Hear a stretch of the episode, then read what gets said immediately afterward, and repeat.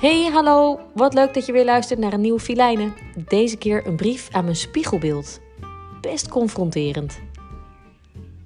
Dag jij. Heel even sluit ik mijn ogen. De zon duwt haar krachtige stralen door mijn raam en ik laat de warmte even heerlijk op mijn gezicht landen. Ik voel dat mijn batterij letterlijk wordt opgeladen en ik adem een paar keer heel diep in.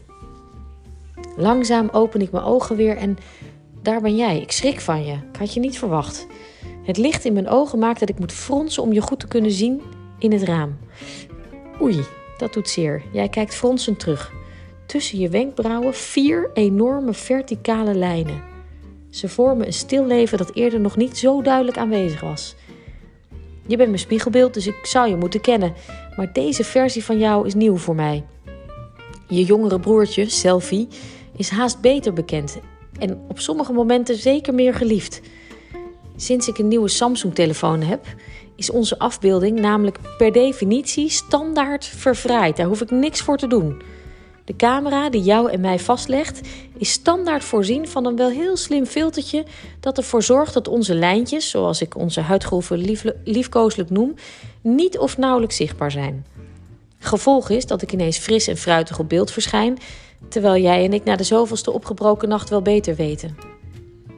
Ik maakte vorige week de fout om één van die foto's via social media de wereld in te schieten. We hebben het geweten. De wereld, althans ons eigen kleine vriendenwereldje, schoot terug. Mooi, maar wat is er met je gebeurd? Ik ken je niet zo. Wie is dit? Ai. Betrapt.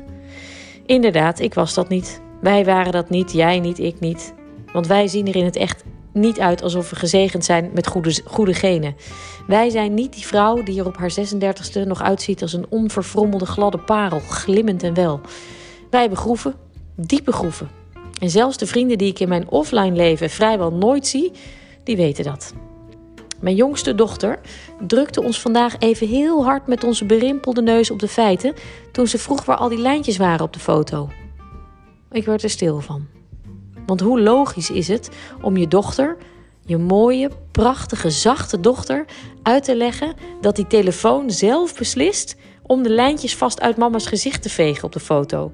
Want dat vindt iedereen mooier. Een foto zonder lijntjes. Ik kijk je weer aan. En ik begin heel bewust de lijnen te tellen. Bij 26 hou ik op met tellen. Het worden er niet minder van. Ze zullen ook niet oppervlakkiger worden. En ineens bedenk ik dat dat ook precies is wat ik niet wil. Jij en ik gaan immers voor diepgang.